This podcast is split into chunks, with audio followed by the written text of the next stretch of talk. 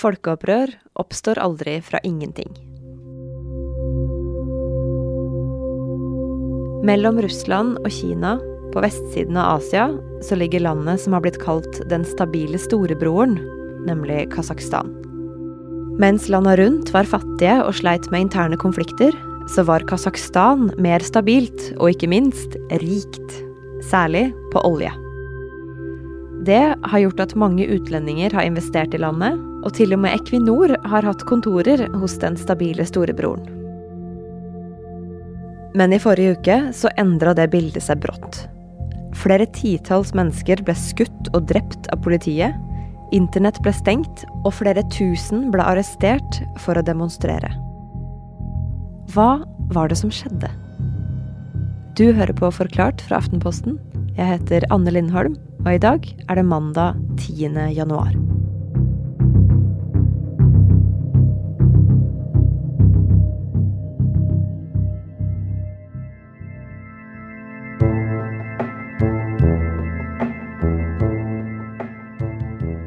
Hvis du har lært det lille du veit om Kasakhstan av denne mannen. My name is Borat. I journalist for Kazakhstan. My government sent me to.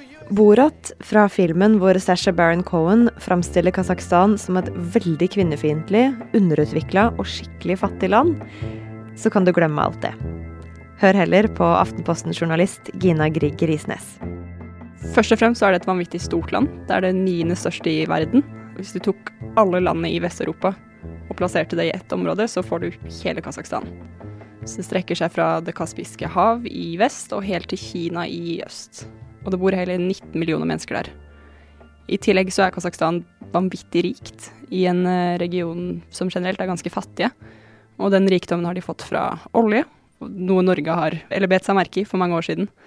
Så det var en periode hvor eh, Equinor hadde kontorer i landet, og eh, landets tidligere diktator kom på besøk på, i Norge og hilste på kong Harald på Slottet. Så selv om mange forbinder Stanland, og særlig Kasakhstan, med å være underutviklet og fattig, så er realiteten en helt annen.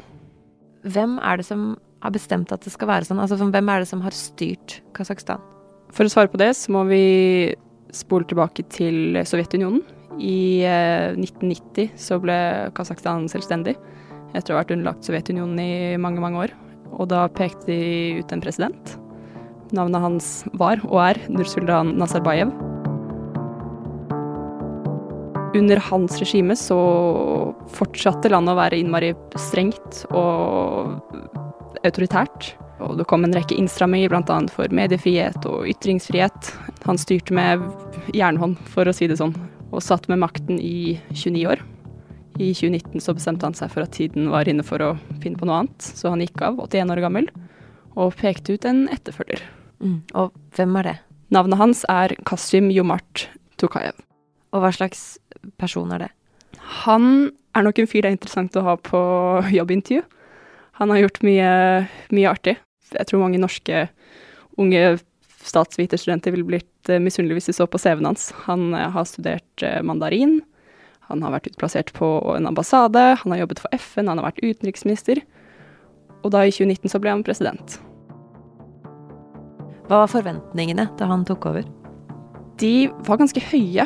Han eh, lovet en rekke reformer. Det gjorde at mange tenkte at nå kom det til å bli mindre autoritært, mer ytringsfrihet, eh, større rom for uavhengige medier. Men ingenting av det skjedde.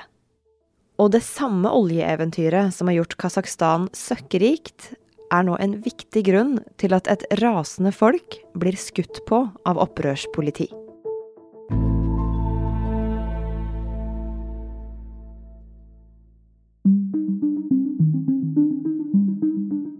I Kasakhstan så har det aldri vært særlig populært at folk demonstrerer. Og det fikk verden for alvor se i 2011. I mai det året så begynte oljearbeidere å demonstrere helt vest i landet, i eh, byen Sanaosen. Eh, og det varte i flere måneder, eh, og i desember så ble det ordentlig alvorlig. Da begynte disse oljearbeiderne å streike. De ville ha noe så enkelt som bedre lønninger, de ville ha tryggere arbeidsvilkår. Og til slutt så ble de slått knallhardt ned på av, eh, av myndighetene. Så de åpnet ild mot de streikende, og det endte med at 14, minst 14 personer ble skutt og drept. Ja, og, og hva skjedde etterpå? Det førte til at det ble en rekke rettssaker for å finne ut nøyaktig hva som hadde skjedd. Det var mye forvirring. Og så hadde mange håp, mange i Kasakhstan håp til at de kom til å få et snev av rettferdighet eh, i rettssystemet. Eh, men det endte med at mange ble skuffet, fordi når dommene kom, så var det demonstrantene som ble sendt i fengsel, mens eh, sikkerhetsstyrkene som skjøt, de fikk eh, gå fri. Mm. Og nå er det over ti år siden. Hva har skjedd siden da? Altså, den massakren, den og, altså, Den massakren førte til et sinne og, som bare boblet av at det ikke ble noe rettferdighet for disse oljearbeiderne. Som førte til at folk demonstrerte med relativt jevne mellomrom. Men eh, de ble stemplet som terrorister eller opprørere hvis de prøvde å kritisere regimet. Og ja, ble kastet i fengsel hvis de tok til gatene. Men det sinnet, den urettferdighetsfølelsen, den blir værende. Og nå, rett over nyttår, så koker det over. Det begynte med noe så enkelt som bensinpumper. Fra 1. januar så begynte gass- og oljeprisen i landet å stige ganske kraftig. Og de fleste i Kasakhstan de bruker flytende gass som bensin, eller som, ja, som drivstoff. Uh, og den steg så mye at den nærmest doblet seg. Uh, og for mange så ville da det ende med at de måtte bruke halvparten av lønnen sin på å betale for bensin. Som er ganske viktig i Kasakhstan, som det er et stort land, som vi var inne på. Så for å komme deg rundt, så er du ganske avhengig av bil. Så da begynte folk å demonstrere. De krevde at eh, prisen skulle bli satt ned. Noe presidenten til slutt lovet. Men da var det allerede for sent. Hvorfor det? Fordi inn, altså innen prisene ble satt ned, så hadde denne protestbølgen som da startet vest i landet, spredd seg til, altså fra landsbygden til storbyene, fra vest til øst. Og det handlet ikke lenger bare om disse høye drivstoffprisene. Det handlet om regimet og langvarig og under, undertrykket kritikk av den. For husk at Kasakhstan er blitt kjemperikt på olje. Men de pengene, de har egentlig ikke nådd folket.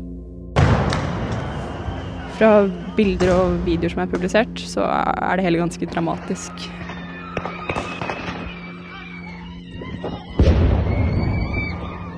Særlig i storbyen Almaty eh, så vi videoer og bilder av eh, at eh, demonstranter stormet borgermesterens kontor.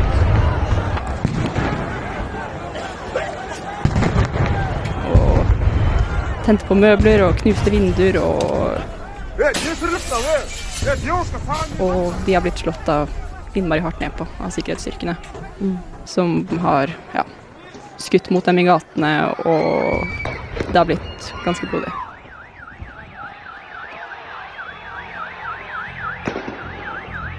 Hva gjør myndighetene? Hva svarer de? De svarer knallhardt og ligger på samme linje som de har ligget på siden 2011. Så de som demonstrerer, de kalles terrorister og banditter og opprørere. Eh, og på fredag så eskalerte det da for alvor. For da sa president Tokayev at sikkerhetsstyrkene de kan skyte mot hvem de vil i gatene. Борьбу с ними нужно довести до конца. Кто не сдастся, будет уничтожен. Стабильная ситуация det er flere titalls mennesker som er blitt skutt og drept den siste uka. Flere tusen er arrestert. Og i tillegg er 18 politifolk drept, ifølge myndighetene. Så Tokayev han bestemmer seg for å be om hjelp, og ikke fra hvem som helst. Tokayev han spurte først om hjelp fra en gammel venn, Russlands president Vladimir Putin. Eh, det har da nå endt med at den kollektive sikkerhetspakten, eh, ofte kalt bare CSTO, har kommet på banen. Det er på en måte tidligere Sovjetunionens svar på Nato, kort fortalt. Eh, så Tukayev ba om hjelp fra Russland og da CSTO.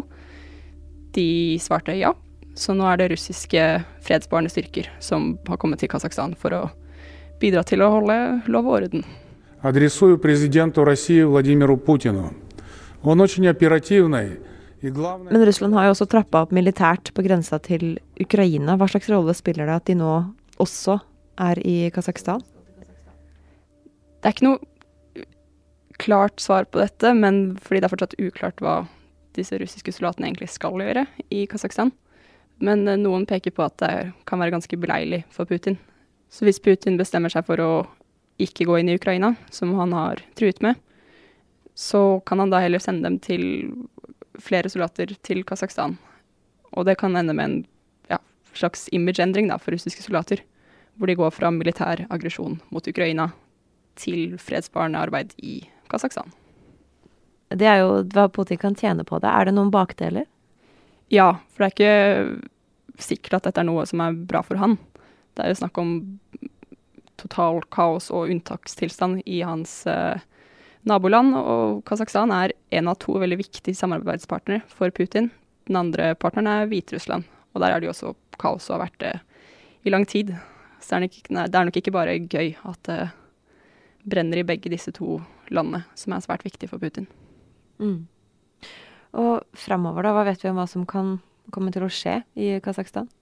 Det er en veldig ustabil situasjon. Det er vanskelig å si noe sikkert. Eh, nå er jo da CS2 på banen eh, for å mane til fred.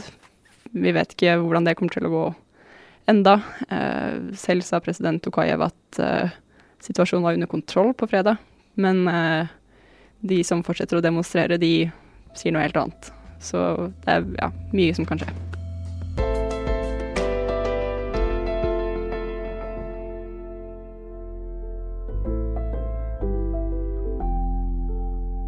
Det var Gina Grieg Risnes som fortalte om Kasakhstan i denne episoden.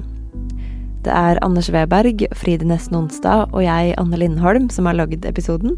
Resten av Forklart er Synne Søhol, Marte Spurkland og David Vekoni. Du hørte lyd fra nyhetsbyrået AP, og også fra Spekti via AP.